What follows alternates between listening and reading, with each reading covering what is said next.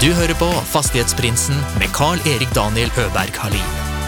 I denne podden får du følge med på eiendomsinvestorer fra Sverige og Norge når de deler sine erfaringer og tips med oss lytterne. Gjestene er alt fra småbarnsforeldre med sin første enhet, til de mer etablerte haiene. God fornøyelse. Og så er det jo lett å si at nei, de finnes ikke. Og så blir man sittende på gjerdet, og så gjør man ikke noe. Men det er jo feilen, fordi det er alltid god kjøp. Det må være holdningen din. Og det betyr at du må bare være enda mer kreativ. I denne episoden får ni høre hvordan Nicolas Farmakis tog seg fra vanlig ansatt til at nå bare jobbe for seg selv med egne prosjekter, og nå også som eiendomscoach.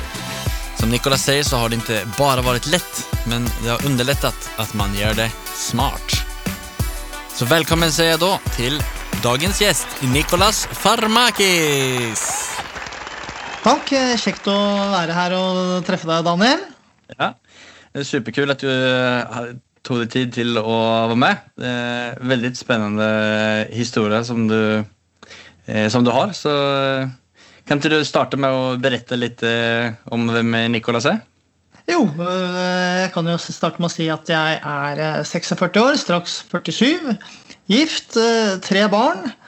Drevet med eiendom i mange år, og det har vært ganske hektisk. Så, som, som liten vits så pleier jeg å si at vi er fortsatt gift med samme kone. Og det er faktisk noe vi sikkert kommer tilbake til i løpet av samtalen. Fordi i en oppbyggingsfase så er det ganske kavete, og det krever ganske mye av deg. Så har jeg høy utdannelse. Jeg er siviløkonom fra Norges handelshøyskole. Og så har jeg en master i eiendomsfinans fra KTH. Så jeg har til og med vært inne på statsvitenskap, hovedfag ved Universitetet i Oslo. Men ingen av de tre stedene har jeg egentlig lært noe relevant om eiendom. Det har jeg gjort ute på gata når jeg har vært ute og kjempa. Ok. Det var fint at du fikk en tur inn i Sverige, i hvert fall. ja da, så det var bra. KTH er veldig veldig bra, så det, det var veldig inspirerende. Ja. Hvordan var det du kom inn på det med eiendom, da? Jeg skulle jo egentlig bli aksjemegler når jeg gikk på skolen. Men så endte jeg opp som journalist. Og så gjorde jeg egentlig et feilsøk på Finn, som jeg sikkert kan fortelle om litt seinere. Og så endte vi med opp å kjøpe et kjempestort hus som vi ikke hadde råd til. Og da måtte vi bruke utleie for å få det finansiert. Og da liksom starta reisen. Ok, Og hvilket år er vi på nå? Nå er vi i 2006-2007. Og hva har du drevet med fram til det? da? Du, Fram til det så var jeg journalist. Jeg har jobbet både i VG, Dagens Næringsliv, NA24, Nettavisen-systemet. Og også opplevd disse her nedturene da, som var i mediebransjen på 2000-tallet. Og Da traff jeg så kona mi, og vi tenkte at nei, det er for usikkert at begge to er i mediebransjen.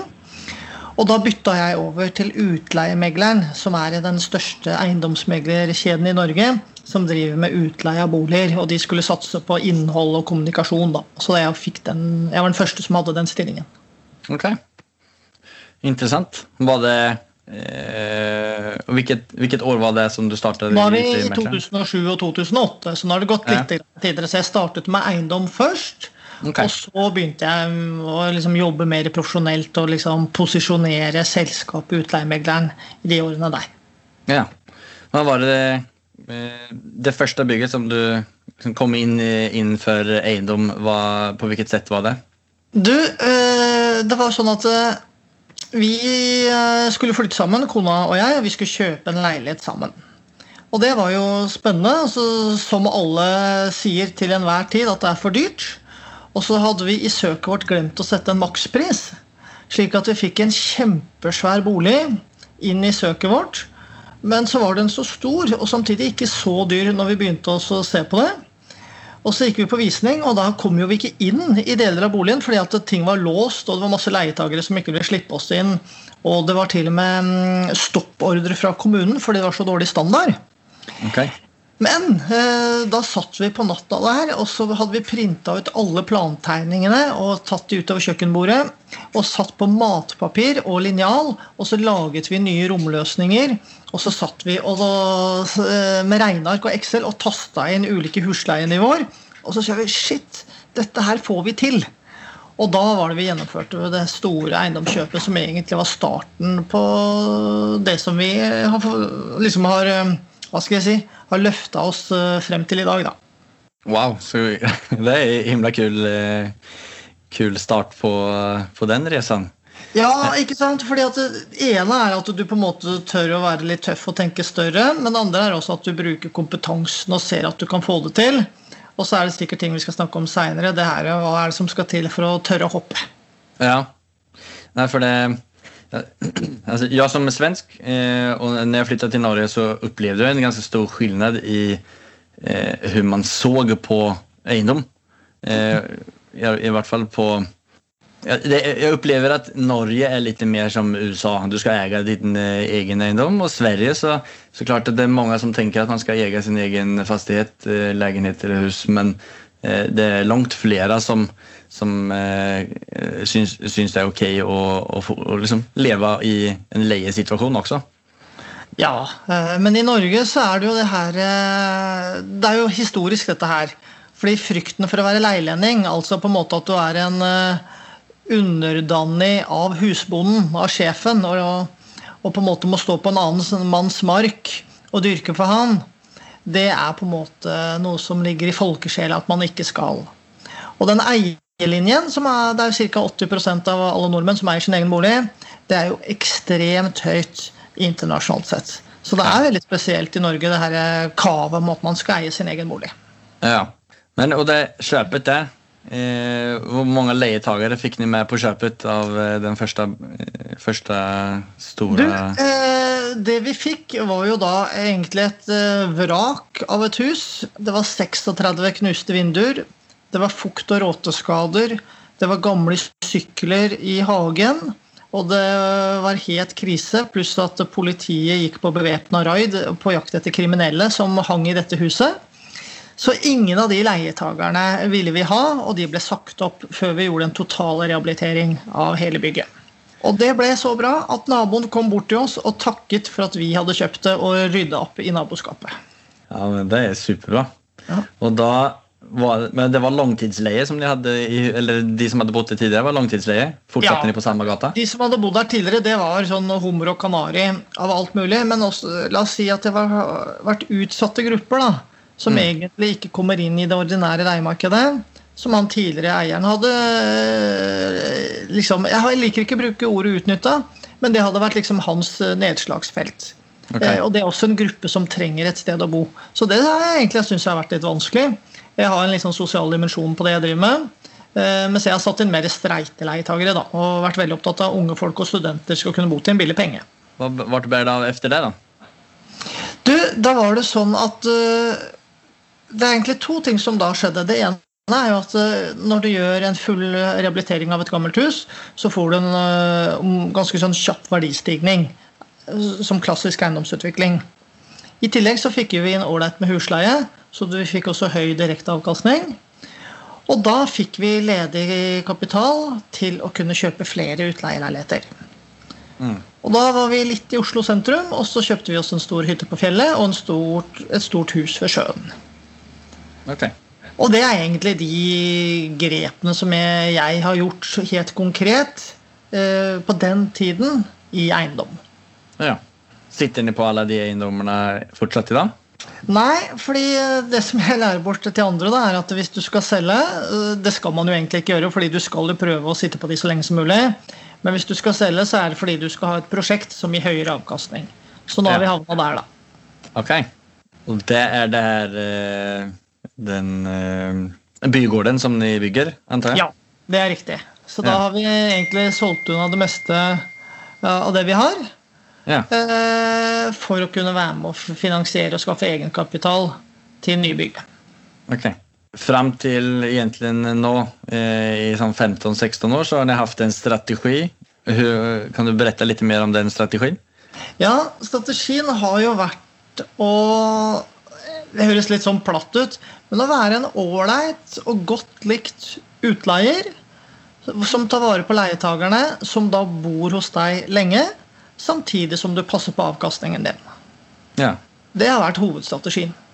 Just det med å være en, en OK, hyggelig eh, hyresverd Ja, utleier. Eh, utleier, ja. Det er jo ikke så vanlig. Eller jo, det, er jo kanskje feil sagt.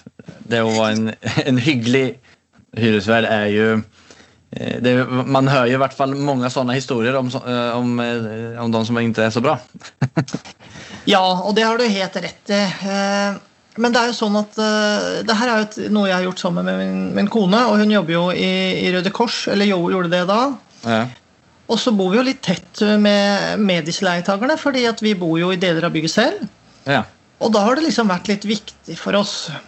Og så har jeg også liksom hatt lyst til å vise da, andre utleiere at den metodikken som jeg har, den eh, gir helt fantastisk avkastning.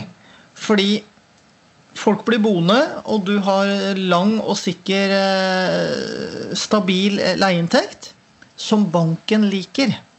Og når du da på en måte tar finansfaget inn ved siden av og kan vise til sikker kontantstrøm, da får du tak i mer finansiering som gjør at du kan kjøpe flere boliger. Så det er noe rasjonelt her også. Det er ikke bare for å være veldig snill, altså.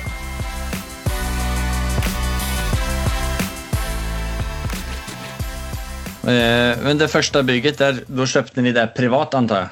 Ja, Eller kjøpte vi det i AS? privat.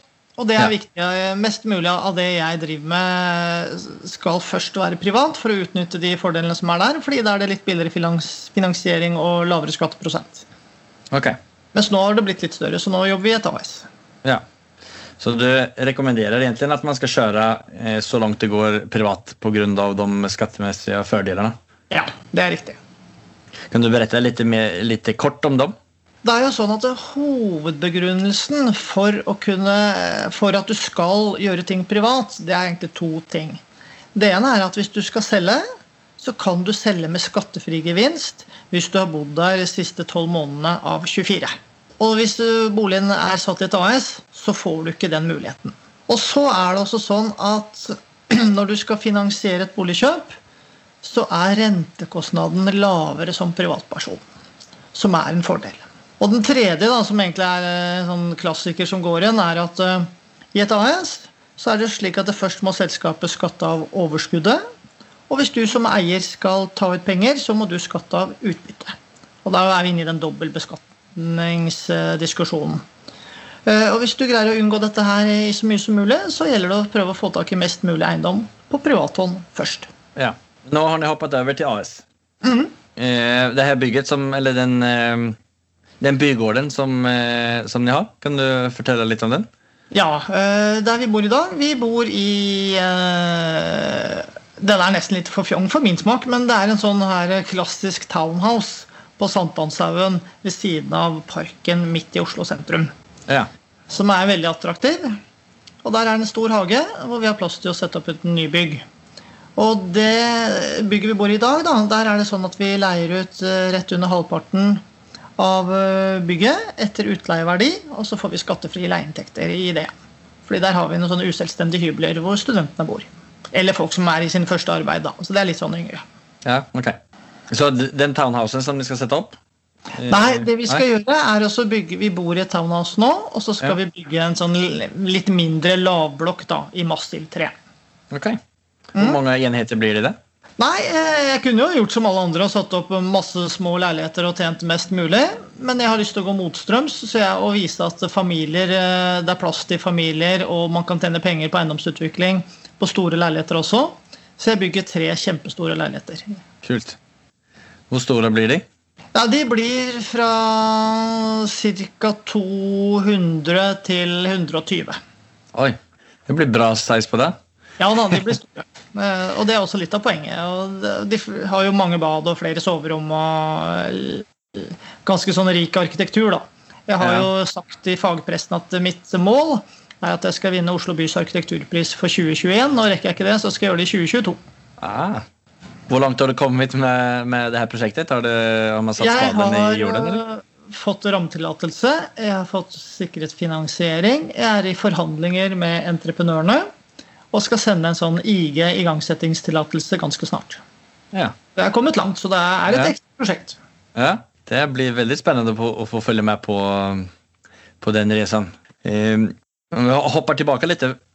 Du, du, ni kjøpte ert første hus eh, og hytta og hytta. Mm. Leier ni ut alle de eh, eiendommene samtidig?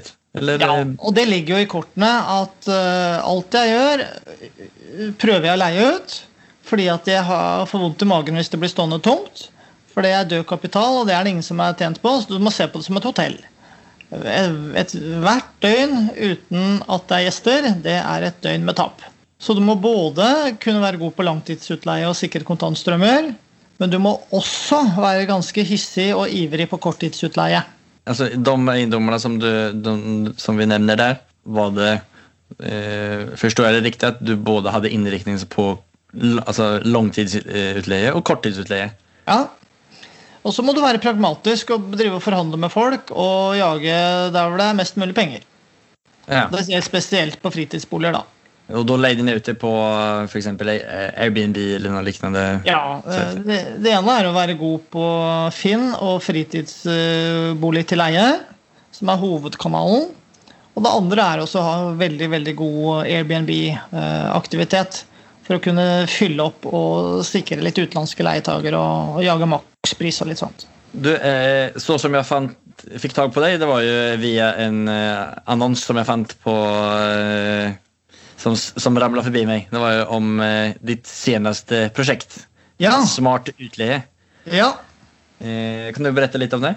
ja, det kan jeg godt gjøre. Fordi eh, jeg syns jo det er utrolig gøy å undervise. Det syns jeg er noe av det beste jeg gjør, faktisk. Og så har jeg et ønske om å dele mye av den kunnskapen jeg har. Eh, Både at det er mye gratistjenester, men også at jeg på en måte leier folk gjennom prosessen til å starte fra scratch og ende opp som en forsiktig eiendomsinvestor med muligheter for å få vekst. Så jeg driver en sånn eh, eiendomscoach-tjeneste hvor jeg underviser folk for å kunne gjennomføre den reisen som jeg har hatt. Det er jo superkult. Det er jo litt den eh, tanken som mange har. Eller, eh, så, som du, så som du beskriver det, så er det jo veldig mange som, som vil komme videre, komme inn på eiendomsmarkedet. Eh, Folk kanskje er interessert av det. Eh, Spesielt i Norge så er det jo eh, veldig vanlig at man eventuelt eh, har en hybel som man hyr ut i, sin leilighet eller sin, sitt, sitt hus. Eller at man kanskje til og med har en ekstra leilighet. og det er jo superfint at du har skapat den kursen og deler deg av all din kunnskap. Både eh, her og s- jättefint at du ønsker å være med her i podden og eh, dele med deg litt kort.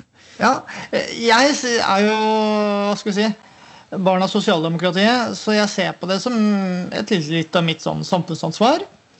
Å kunne være, fordi mye av det jeg underviser i, det er ikke bare eiendom, men det er også på en måte mm, dyp og avansert kunnskap om privatøkonomi. For å få folk til å få stålkontroll på privatøkonomien. Fordi det er dårlig styrt privatøkonomi og problemer med, med penger eller gjeld, da, det er også roten til store vanskeligheter i livet til mange. Så kona mi driver f.eks. et stort kurs som heter Smart økonomi.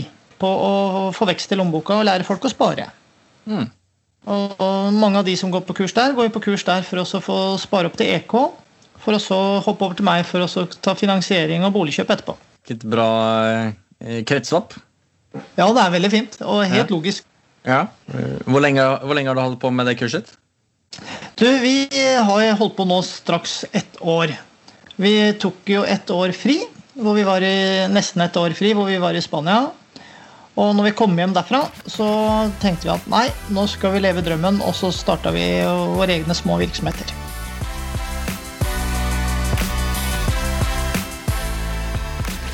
Hva var det ni gjorde i Spania? Eh, vi tok med eh, barna våre og gikk på den norske skolen i Malaga. Slik at det var liksom på stein. Og så hva, gjorde man, hva gjør man et år i Spania? Nei, man går på tur på stranda. Man trener, og man går på kafé og leser bøker. eh, og ligger på sofaen. Ja, det låter ikke så dumt, det. Nei, det var, det var veldig deilig. Ja. Og da ladda batteriene for å komme tilbake til Norge og starte opp eh, smart utleie og sette i gang eh, utvikling av bygård. Det er riktig. Det låter som at det var en eh, velbehøvelig og lukrativ pause. Ja, det var veldig morsomt og veldig deilig, men vi måtte jo reise kjapt tilbake til Norge når korona kom, da. Så du, du, er en av dem som har eh, fått det bra på, eller fått det litt positiv oppsving pga. korona? Ja. Eh, det å drive digitale tjenester i den tiden vi er i nå, det har gått veldig bra. Har du noen kursdeltakere som har eh, gjennomført din, eh, din, kurs og ja. kommet videre i det? Ja, jeg har mange. Faktisk veldig høy prosent. Fordi jeg er så jævla streng med å ta det inn. For jeg siler de veldig hardt før jeg slipper de inn.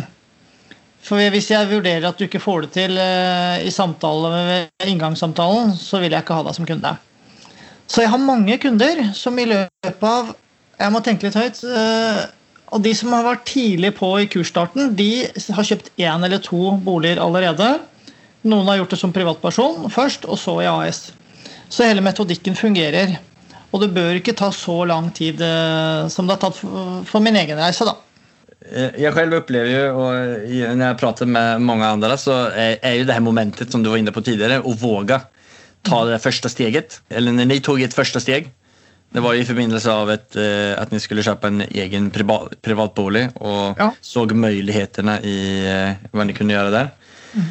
Hva skulle du si gjorde at de tok den veien, og at de ikke gikk en tradisjonell vei og bare kjøpte et hus å bo i? Uh, det var egentlig to ting. Det ene er nysgjerrighet. At du på en måte utforsker muligheten og tør å tenke annerledes. Og det andre er litt sånn hva skal jeg si, teknisk kunnskap rundt penger. Og det høres litt dumt ut, men jeg skal prøve å forklare det.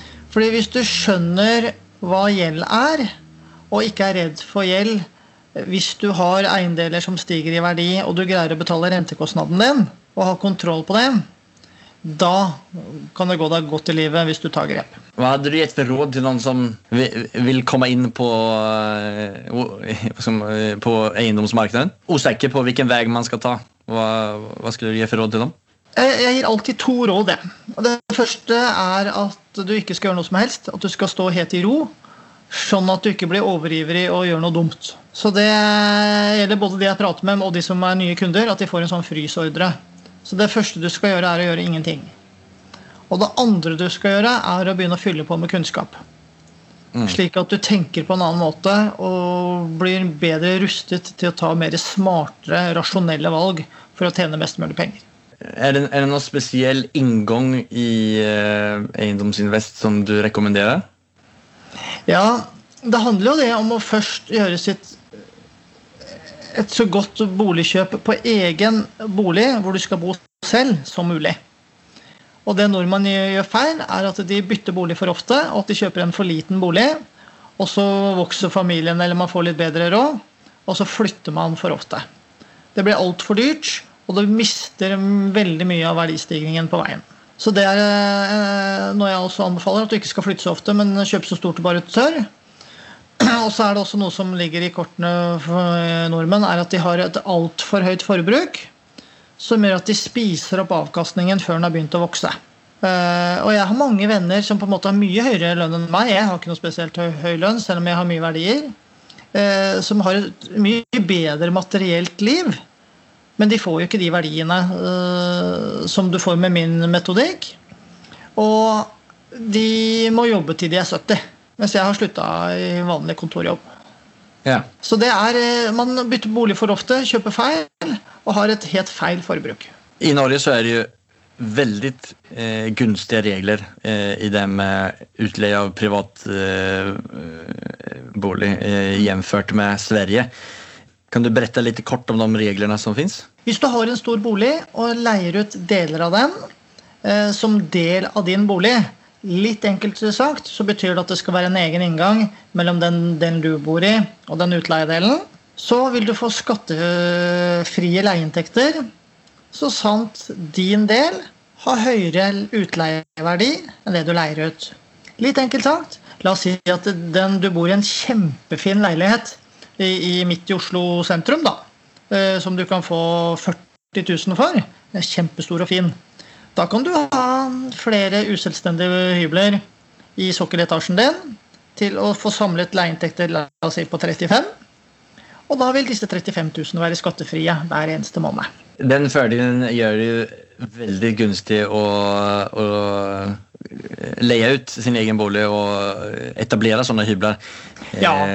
Men det er jo sånn at eh, mange vet jo dette her, men de har eh, intellektuelle sperrer mot å bo så tett på andre folk. Og da velger de heller å ha en kjellerstue som står og støver ned, eller et hobbyrom hvor det på en måte bare er masse rot. Eller at eh, ungene har en e- egen eh, ekstra stue og sånne ting. Og det er en prioritering og en vurdering man selv gjør. Men eh, som, de som følger mitt oppsett, da, de må kanskje bo litt trangere eller litt annerledes for å kunne få en bedre og ryddigere privatøkonomi. Eventuelt kunne slutte å jobbe litt tidligere pga. Eh, det man bygger opp seg, og man fortsetter. Ja, det er jo liksom det store spørsmålet da, som ja. veldig mange av uh, de jeg prater med i løpet av en uke, stiller seg. Ja, det er når kan jeg slutte å jobbe? hva, hva, er svaret på det, da? Svaret er at du får ikke lov til å stille deg, og du får ikke lov til å tenke på det fordi at banken hater deg. Det er ingen som får lov til å slutte i dagtidsjobben sin. Uh, og det er det dummeste jeg hører, fordi det gir så økt risiko på at du kan få økonomiske problemer og ikke gjøre, kunne gjøre opp for deg. Så det å slutte i dagtidsjobben, det er en no go. Uh, og du skal ha mye verdier og høy kontantstrøm hver eneste måned for å kunne ta ut en normal lønn. Mye mer enn det du tror. Så det er bare å fortsette å drømme og heller stå på istedenfor å snakke om når du skal slutte i dagtidsjobben din. Det var litt kjedelig svar, men det, det, er vel det med det er, um, den mentale innstillingen. At uh, det fins vel ingen quick uh, fix på Det, det er som uh, sånne her quick fix, get rich quick schemes er vel oftest bare en luren side. ja, ikke sant. Fordi det er jo mange som drømmer om å slutte jobben sin og bli rik på eiendom. Og det er en fin drøm, det. Men den er jo ikke bærbar eller, eller bærekraftig eller sann. Og den er utrolig vanskelig å gjennomføre. Men det er en stor drøm som er viktig, som både sånne lurendreiere på nettet prøver å lure deg utpå for at du skal kjøpe et kurs for å bli rik fort. Men det er ikke sånn at du skal slutte å drømme om det. Fordi den drømmen, enten det er å jobbe, jobbe lite eller på en måte ha et godt liv hvor du lever mye på hytta, eller trappe ned eller drive frivillig arbeid, eller la oss si det handler om å kjøpe deg en dyr bil eller noe sånt. De drømmene de må man jo holde varme og, og fòre med gode tanker for at du skal holde motivasjonen din oppe. Eh, jeg har jo nådd noen av mine drømmer, men jeg fyller jo på med nye drømmer for å fortsette å stå i det løpet jeg, jeg gjør. Har du noen sånne spesielle rutiner, eh, f.eks. på det med å sette mål og drømmer? Ja. Alt det jeg tenker, pleier jeg å gange med ti og det jeg skal gjøre. Fordi at når du da bommer på målet, så er ikke det så gærent eh, når du kommer ut likevel. F.eks. hvis jeg skal selge en leilighet, da, så setter jeg alltid at jeg skal sette salgsrekord i gata. Ja. Eh, og hvis jeg ikke får til det, så blir det uansett veldig bra. Eh, så det bruker jeg mye, mye tid på. Og så bruker jeg også mye tid på dagdrømme. Dagdrømme? Ja. Mm. Hva, hva legger du i det? Nei, f.eks. kunne tørre å la tankene svirre av gårde på å finne kreative løsninger, jobbe med problemstillinger, eh, spennende ting, og, og kunne gjøre det. For, for meg så har det vært viktig å få mer fritid. Og jeg har brukt mye av motivasjonen min for det jeg har gjort, for å kunne tenke på alle de fritidsaktivitetene jeg driver med. Bra sak å tenke på. Hva, om du skulle si hva, hva, ditt mål med din virksomhet, har du noe? Har du noe stort ja. mål med, eller har du noe sluttgiltig ja, mål med din virksomhet? Jeg har noen store mål, men det har jeg ikke så lyst til å dele, for det blir veldig unorsk. ok. Eh, men eh, det som på en måte er spiselig, som jeg kan si her, da, er at jeg ønsker eh, mer tid. Ja. Mer tid med familie og venner. Og så kunne bidra til andre i samfunnet som på en måte trenger noe av det jeg kan. da.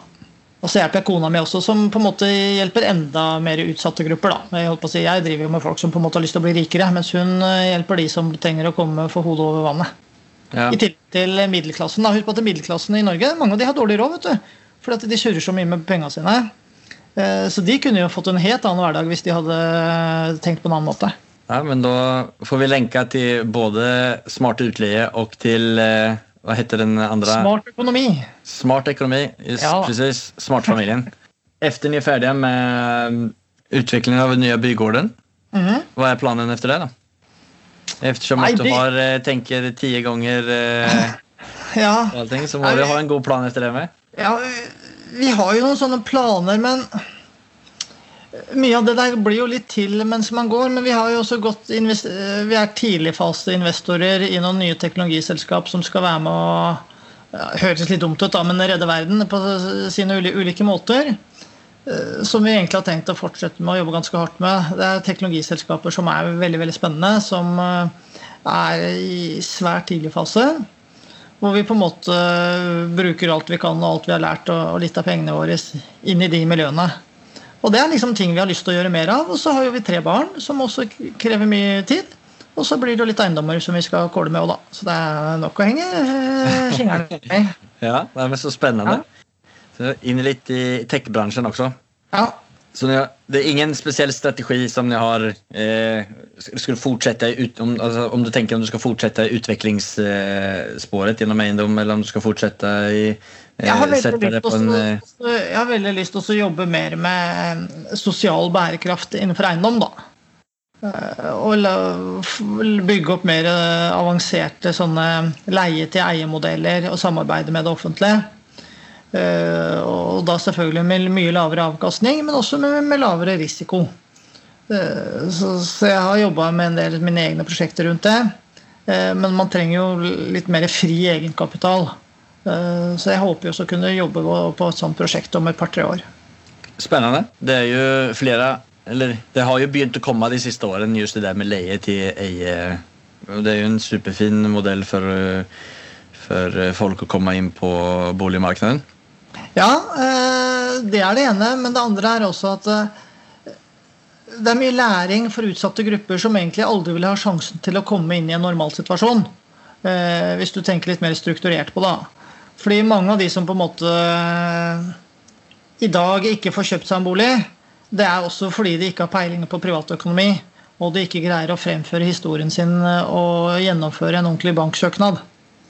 Og det er også mye av min tjeneste, mye av de gratisgreiene jeg driver og deler, det er også for å få folk eh, på rett spor. Ja. Ja, så Jeg syns også at det er en kompetansegap her og i forhold til norsk skole. At de ikke lærer seg praktisk god privatøkonomi. Men det er litt på siden, da. ja.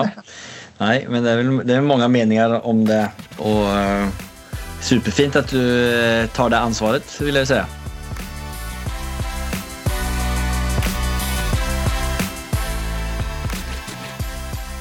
Da har vi vært igjennom litt hvordan hur du startade. Eh, Du har berettet om dine tre egendomar och Mhm. din fjerde utviklingseiendom. Vært gjennom smart uh, utleie. Mhm. Hva, hva, vil du, hva vil du si er uh, den ene tingen som har gjort at du har kommet dit du er i dag? Uh, Det er nysgjerrighet. Ja, og så er, får jeg litt sånn klarsyn. Jeg, jeg er jo litt sånn nesten sånn autistisk at jeg går inn i ting. Så det syns jeg er morsomt, da. Og så tør jeg ta risiko. Eh, Eller skjønne risiko. Bruker mye tid på å skjønne risiko. Og du, jo mer du skjønner av risikoen og kan dele den opp, lettere er det å parere risiko og fjerne elementene. Og da blir det ikke så farlig likevel. Nei. Det låter som du er veldig strategisk.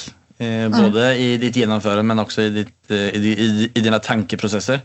Mhm, jeg håper og tror det, da. Men eh, det får jo andre vurdere. Nei, men det, det er jo det momentet med å tørre å eh, ta det første steget ut. Og har man altså, Det er vel et ordspråk som er at man eh, spiser en eh, elefant i små biter. Ja. Det er et godt bilde på, på dette her. Fordi eh, ofte kan man bli sånn overveldet av å gå inn i eiendom, fordi det er så innmari mye i dette faget. Innenfor finans, juss, eiendom, forhandlinger, you name it. Men hvis du tar det i biter, da går det. Og så bør du ikke på en måte bli rik i en fei og kjøpe kjempestort. Men du kan så starte litt forsiktig. Ja. Hva er det første man skal gjøre om man bør tenke på å investere i eiendom? Er det å, eh, kan du summere opp de eh, sakene som du sa innledningsvis? Ja, Det første man gjør, litt sånn kjekt sagt, så er det at du ikke skal gjøre noe som helst. Så da slipper du å bomme. Og så er det å skaffe seg kompetanse. Og den kompetansen det handler mye om å forstå yield-begrepet. Altså forholdet mellom den husleien du får inn i løpet av et år, delt på kjøpeprisen. Fordi mange som sier at nei, det er for dyrt å kjøpe, og så glemmer de å se på den leieinntekten de får inn. Eller så sier de at nei, jeg får ikke inn nok husleie, og så vurderer de ikke opp mot kjøpeprisen. Så du må skjønne yield. Og hvis du greier å på en måte tenke mer rundt yield, og se på plantegningen mer enn du ser på styla bilder og fine puter og dyre såper og krydderkvist på kjøkkenbenken, da er du på et, et annet tenkespor som på en måte er mye mer smart. Kan du utdype deg litt mer med å skjønne yield? Ja, fordi det handler jo om at eiendom er den eneste aktiva klassen hvor du sjøl kan påvirke avkastningen din. Hvis du kjøper aksjer i Telenor eller i Equinor, store norske selskaper, så vil du aldri kunne gjøre noe med hvor eh, godt de selskapene går. Eller hvis du kjøper i fond, så kan ikke du påvirke avkastningen. Men i eiendom så er det stikk motsatt. For der kan du gjøre gode kjøp, og du kan være, gjøre smarte grep for å få opp husleia. Og du kan eh, på en måte gjøre grep som gjør at du også på sikt tjener mer. Og når du liksom skjønner det her, da, og skjønner GIL-begrepet, og at du kanskje også i tillegg er flink med banken, at finansieringen din ikke er så dyr, og at du skjønner renters rente, altså når eh, renteeffekten begynner å gå over lang tid, eh, da begynner du å tenke som en investor. Og da har du kommet langt. Og da, det her er jo den store åpenbaringen som folk får, får, får på kurs. Eh, det, det, finns ju så mange olika sätt som du var inne på å investere i eiendom og du har gjort eh, tre, fyra olika, eh, egentligen, eh, egentligen alla dina investeringar på ett, ett eller annet sett olik den andre. Mm. Hur kommer det seg at du velger eh, at du har valgt de tre, fyra olika investeringarna som du har gjort? Finns det et optimalt investeringssett eller er alle dealer eller muligheter olika? Du, det tør ikke jeg svare på helt sånn eh, over bordet nå. Men jeg tror det handler om metodikken. Eh, og det som jeg er opptatt av, som på en måte er en sånn universell metodikk, er at du alltid skal jage maks avkastning. Det må ligge til grunn for alt vi gjør, for da kan vi sammenligne ulike kjøp, og vi kan regne på det, og vi kan på en måte se på det. Og så må du ha rett risiko. Det er ikke det samme som at det er høy eller lav risiko, men det var rett risiko. Vi må skjønne hva den risikoen er for noe, hvordan vi parerer det. Og så må det stemme. Hvem er du som investor? Hvor mye kompetanse har du? Hvor mye tid har du? Eh, hvor handy er du hvis du skal drive med eiendom? Og så, når du knar de tre eh, liksom, pilarene sammen, så vil du på en måte sitte med en slags liten masterplan. Og Det betyr at det er to investorer som står ved siden av hverandre og ser på samme hus, de vil vurdere det huset helt ulikt. Noen vil si at det er et godt kjøp, mens andre vil si at dette er et dårlig kjøp.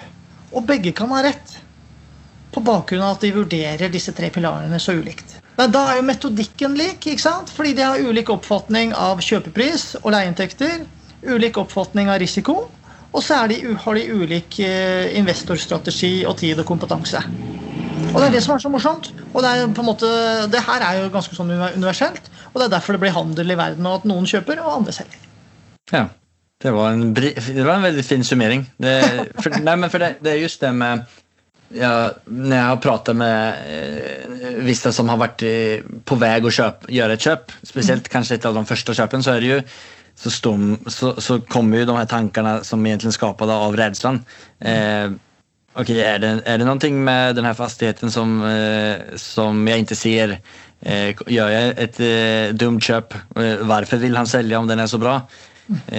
Och då är ju så som, så som du säger så, så är det alla är, har olika kunskap, alla har olika inriktningar. Du sålde av dine tre eiendommer for å gå videre til et annet nytt spennende prosjekt som du menade gav bedre avkastning.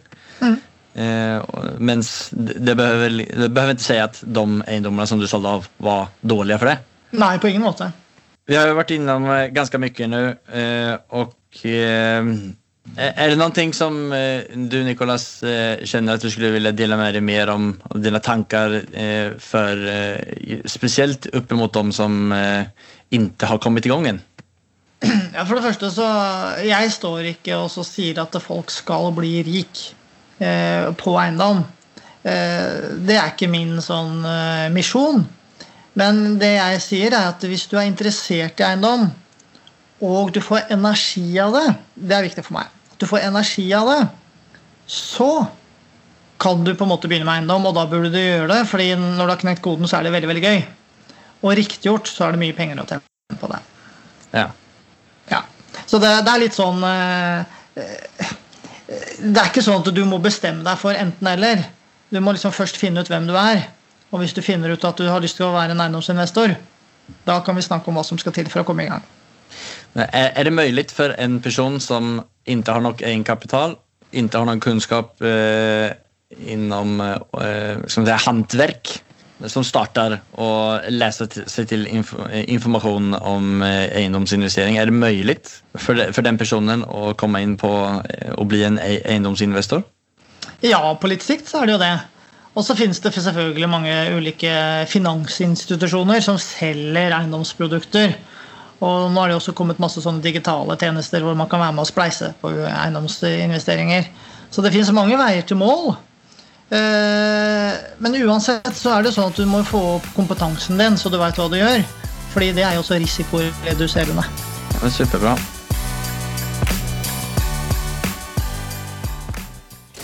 It has not been easy for me. And, you know, I, I started off in Brooklyn. My father gave me a small loan of a million dollars. Affärsanalyse. Da går vi over til eh, et annet segment som heter Affærsanalysen. Ja, Der eh, våre gjester eh, beretter om en eh, gjennomført affære. Nei, fordi det som skjedde, var jo egentlig at det var min kone som egentlig først hadde lært seg å drive med utleie. Fordi hun kom jo fra Hamar og skulle flytte inn til Oslo. Og så skulle hun kjøpe seg en ettromsleilighet. Altfor dyrt. Hva med toroms så kanskje dele med en venninne? Nei, det var også altfor dyrt. Så la på et ekstra soverom, så ble det litt billigere. Enda et soverom, så ble det litt billigere. Og så endte hun opp med fire soverom, hvor det ene kunne deles, så det ble plass til fem. Og da fikk hun et kjempegodt regnestykke. Så hun liksom var den som først på en måte hadde fått dette inn i fingrene. Og så var det da hun og jeg som kikket på dette store huset. Og det huset, det var jo da et reir, som vi snakket om innledningsvis i samtalen. Men det var svært. Og det var ødelagt. Og det var ingen som hadde lyst på det. Og da hadde det ligget ute lenge. Og så Vi fant jo ved en tilfeldighet, fordi det var jo utenfor våre scope. da Det var jo alt altfor dyrt. Eh, Det høres litt sånn dumt, dumt ut å si de tallene, men eh, vi kjøpte jo det da for 15 år siden for 7 millioner kroner. Eh, Og det å kjøpe seg et hus eller en stor leilighet for 7 millioner kroner den gangen, det var nesten som å bruke 30-40 millioner kroner på å kjøpe leilighet i dag.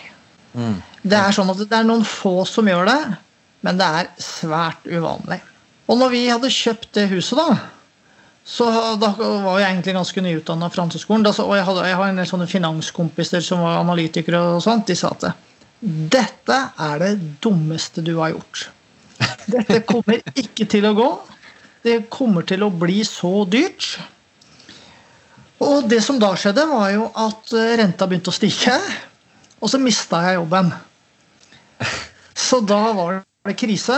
Og vi hadde jo håndverkerregninger herfra til månen. ikke sant? Og da måtte jeg selge bilen Ja. for å få til dette. Så da levde jeg uten bil.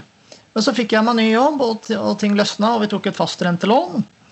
Men så begynner jo liksom denne metodikken og forretningsmodellen å slå til, nemlig at du har leieinntekter. Og da fikk vi kontroll. Ja. Så vi fikk jo kontroll ved at vi hadde eh, liksom, liksom Systemet ved at vi kunne leie ut, var det som bar oss over. Og når du har eh, kontrakter på utleien, så svinger jo ikke de leieinntektene. Og hvis du har et attraktivt område med en god beliggenhet, så vil det være lett å leie ut. Mm. Og det var det vi opplevde. Så vi har jo ikke tapt husleie på 15 år. Nei. Det har alltid vært utleie. Og det er liksom en viktig del av dette her. Ved å være en kul og grei utleier som ikke er for grisk på pris, så får du alltid leid ut. Og det er essensen i analysen når du skal forstå et sånt prosjekt eh, som vårt første store boligkjøp. Og samtidig så begynte jo da boligprisene å stige kraftigere og kraftigere. i Oslo. Samtidig som jeg også da fikk eh, drahjelp av renters renteeffekten, slik at du får eksponentiell vekst.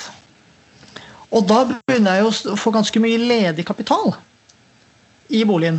Og da kan du låne mer. Mm. Og da kan du kjøpe mer. Og det var hele essensen. Ja. Upplever du at klimaet rundt Du sier at dine venner eh, på den tiden sa eh, eh, Ikke sa at det var en så supergod deal. Eh, I dag så opplever jeg jo at alle et sånt type bygg i det,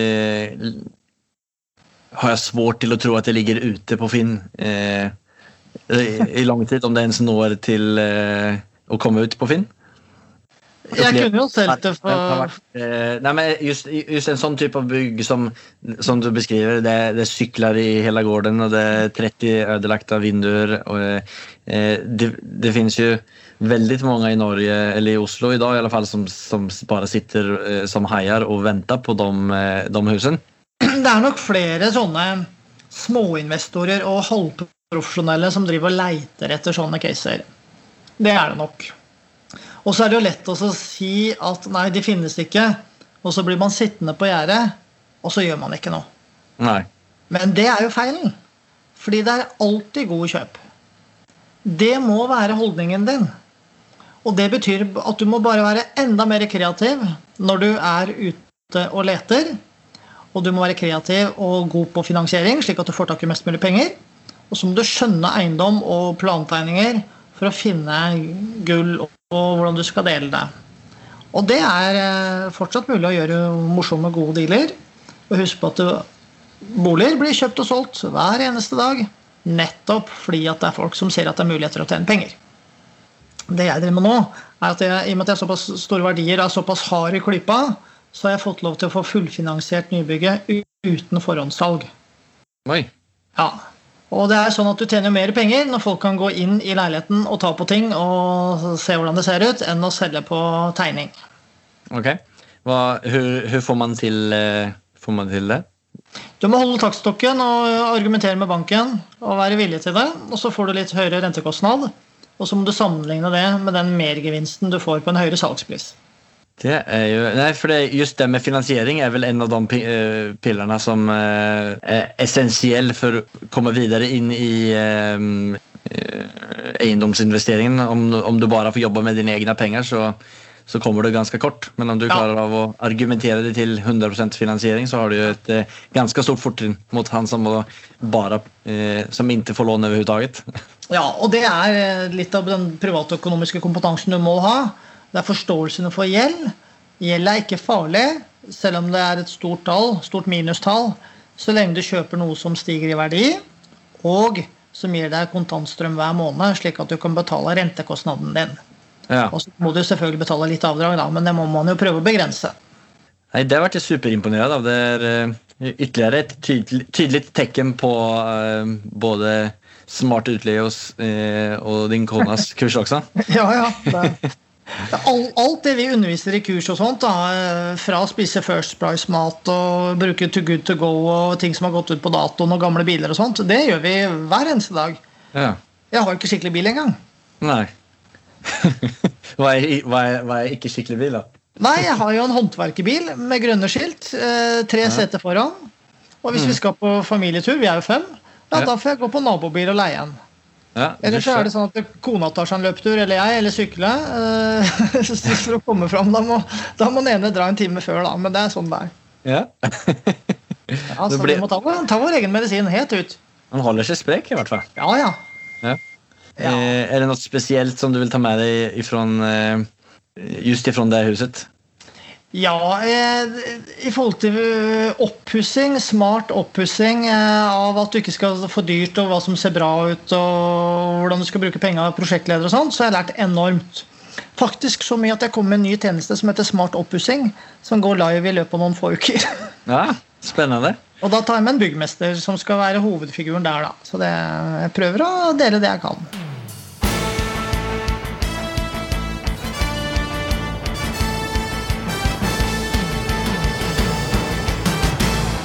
Cuatro preguntas.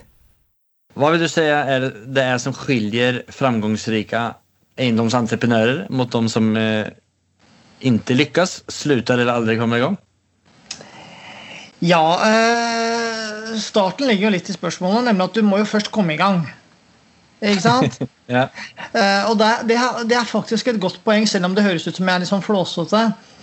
Fordi banken, de hater drømmere. Mm. Banken vil ha folk som viser at de å investere eller bruke penger sammen med dem er lav risiko, og at det er noen som gjennomfører. Så du må være en som får ting gjort. Og det er det som på en måte også er suksessfaktoren her. For det er jo ikke sånn at du liksom bør liksom eh, hva skal jeg si, tjene mest mulig eller absolutt høyest mulig avkastning. Det er mye bedre å komme i gang og på en måte skjønne faget og starte i det små, og så bygge seg opp. Istedenfor at liksom alt skal være så perfekt. Eh, og den her villigheten til å utsette seg for mye merarbeid, fordi det er jo et mas å drive med eiendom. Eh, og alle de som har drevet med privat utleie av boliger, de har gjort sånn som meg. De har dobbelt sett med verktøy, arbeidsklær, har båret vaskemaskiner, prøvd å reparere kjøleskapet, flikka på alt mulig, er god på Tek 7 lim, har med gaffateip. Eh, fikser og ordner, så det blir veldig handy. Og veldig mange av de som på en måte har fortalt sin historie, som er rike, som er god for en milliard, de har jo det liksom i blodet sitt at de skal gjøre ting sjøl. Og jeg har eh, kjørt kveldstid ut på hytta for å tette, åpne tette sluk eh, og sånt når leietakerne har stått og skriket at ting ikke funker. For det er krise, ikke sant? Så det er noe med hvem du er som person, da. Og det er arbeidsomt, og de som på en måte skjønner dette her og ikke liker det, de kommer ikke i gang. Og de burde heller kanskje ikke satse på eiendom. Mm. Superbra punkter å ta med seg. Andre spørsmål? Om du hadde ubegrenset med penger og muligheter eh, og fikk kjøpe hvilken fastighet som helst i hele verden, alle var til salu, hvilken hadde det vært? Det er et veldig godt spørsmål, men jeg har ikke så veldig sånn dyp kompetanse på sånne fantastiske hus. Men jeg har en sånn drøm da, av et eh, eiendomskjøp. Og det er at jeg er veldig glad i vindsurfing. Å stå på seilbrett. Okay. Og jeg har vært en del på Hawaii og seila, og der er det et, en, en, en kystlinje som heter Spreckersville. Og der er det noen sånne sjøeiendommer som er helt fantastiske. Som på en måte alle sånne som er opptatt av ekstremsport, drømmer om å kjøpe. da.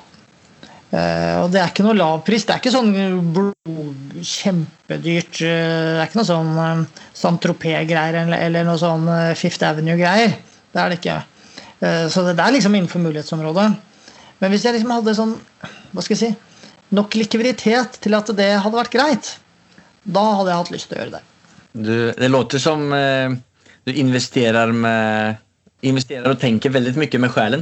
Ja, det må jeg gjøre, men eh, det er, det er, ikke, det er ganske langt å reise dit for å dra på hytta på Hawaii, da, så det, det blir nok ikke noe av det, altså. Nei da.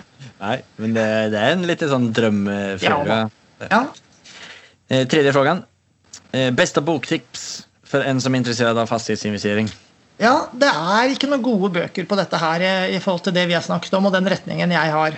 Men det er én bok som på en måte viser grunnprinsippene og tankesettet, og det er Bibelen for meg. Og den heter 'Rich Dad, Poor Dad' av Robert Kiyosaki. Ja, nei, den uh, har jeg lest mange ganger selv også, så den uh, ja. Superbra. Kan du berette ja. litt kort summerende hva den handler om, for dem som ikke har hørt den? ja, veldig, veldig kort. Så er det om en gutt uh, hvor han har en arbeiderklassefar som har lever fra hånd til munn, litt enkelt sagt, eller lønn til lønn og egentlig ikke bygger seg opp noen kapitalinntekter. Og så har han en uh, rik stefar som lærer han forståelsen av gjeld og det å være avholden på forbruket og få pengene til å vokse for seg selv ved hjelp av eiendom, og at du også kan tjene penger mens du sover. Og så har han, eh, Robert Kiyosaki liksom tatt det tankegodset helt ut. da. Eh, han drar den kanskje litt langt, hvor han også kritiserer det amerikanske utdannelsesvesenet. Og at det er lagt opp sånn for at det skal holde et lokk over deg selv. At du skal på en måte være en medborger som betaler skatt og alle de greiene der. Men det er den forståelsen av hva gjeld kan gjøre da, hvis du kjøper noe som er smart. Ja, superbra. Ja, Kan du kjenne deg igjen i oppsummeringen? Ja, det, det kan jeg virkelig gjøre. ja. Så antingen så leser man den boken, eller så tar man ditt kurs. Så har man kommet like langt. ja. Avslutningsvis, nevn, nevn, det mest storartede eller morsomme eh, minne, eller minnesverdige settet som du har f- firat en eh, gjennomført affære. Ja, det er, det er et sånt spørsmål som jeg egentlig ikke er ferdig svart på. fordi jeg, jo, jeg mangler jo liksom den helt store festen. Men når jeg har fått suksess med den neste blokka mi, da skal jeg ha den store festen. Men jeg har eh, liksom ikke turt å kjøpe meg noe, jeg er kanskje ikke den typen. Men det jeg liksom har gjort, da, er at jeg har gjort det litt mer sånn forsiktig at jeg har begynt å leve et annet liv. Og det er jo det også, Da har jeg oppnådd en drøm. Og det er viktigere for meg enn at jeg på en måte har en Rolex-klokke eller en fet Porsche eller noe sånt. Jeg har f.eks. slutta å ha fast jobb og ha mye fritid. Jeg har vært ute og reist et helt år med barna mine. Og jeg trener mye og har bra sportsutstyr. Så jeg har liksom fylt på litt sånn sakte, da. Men det har jo ikke vært noe kjempefest.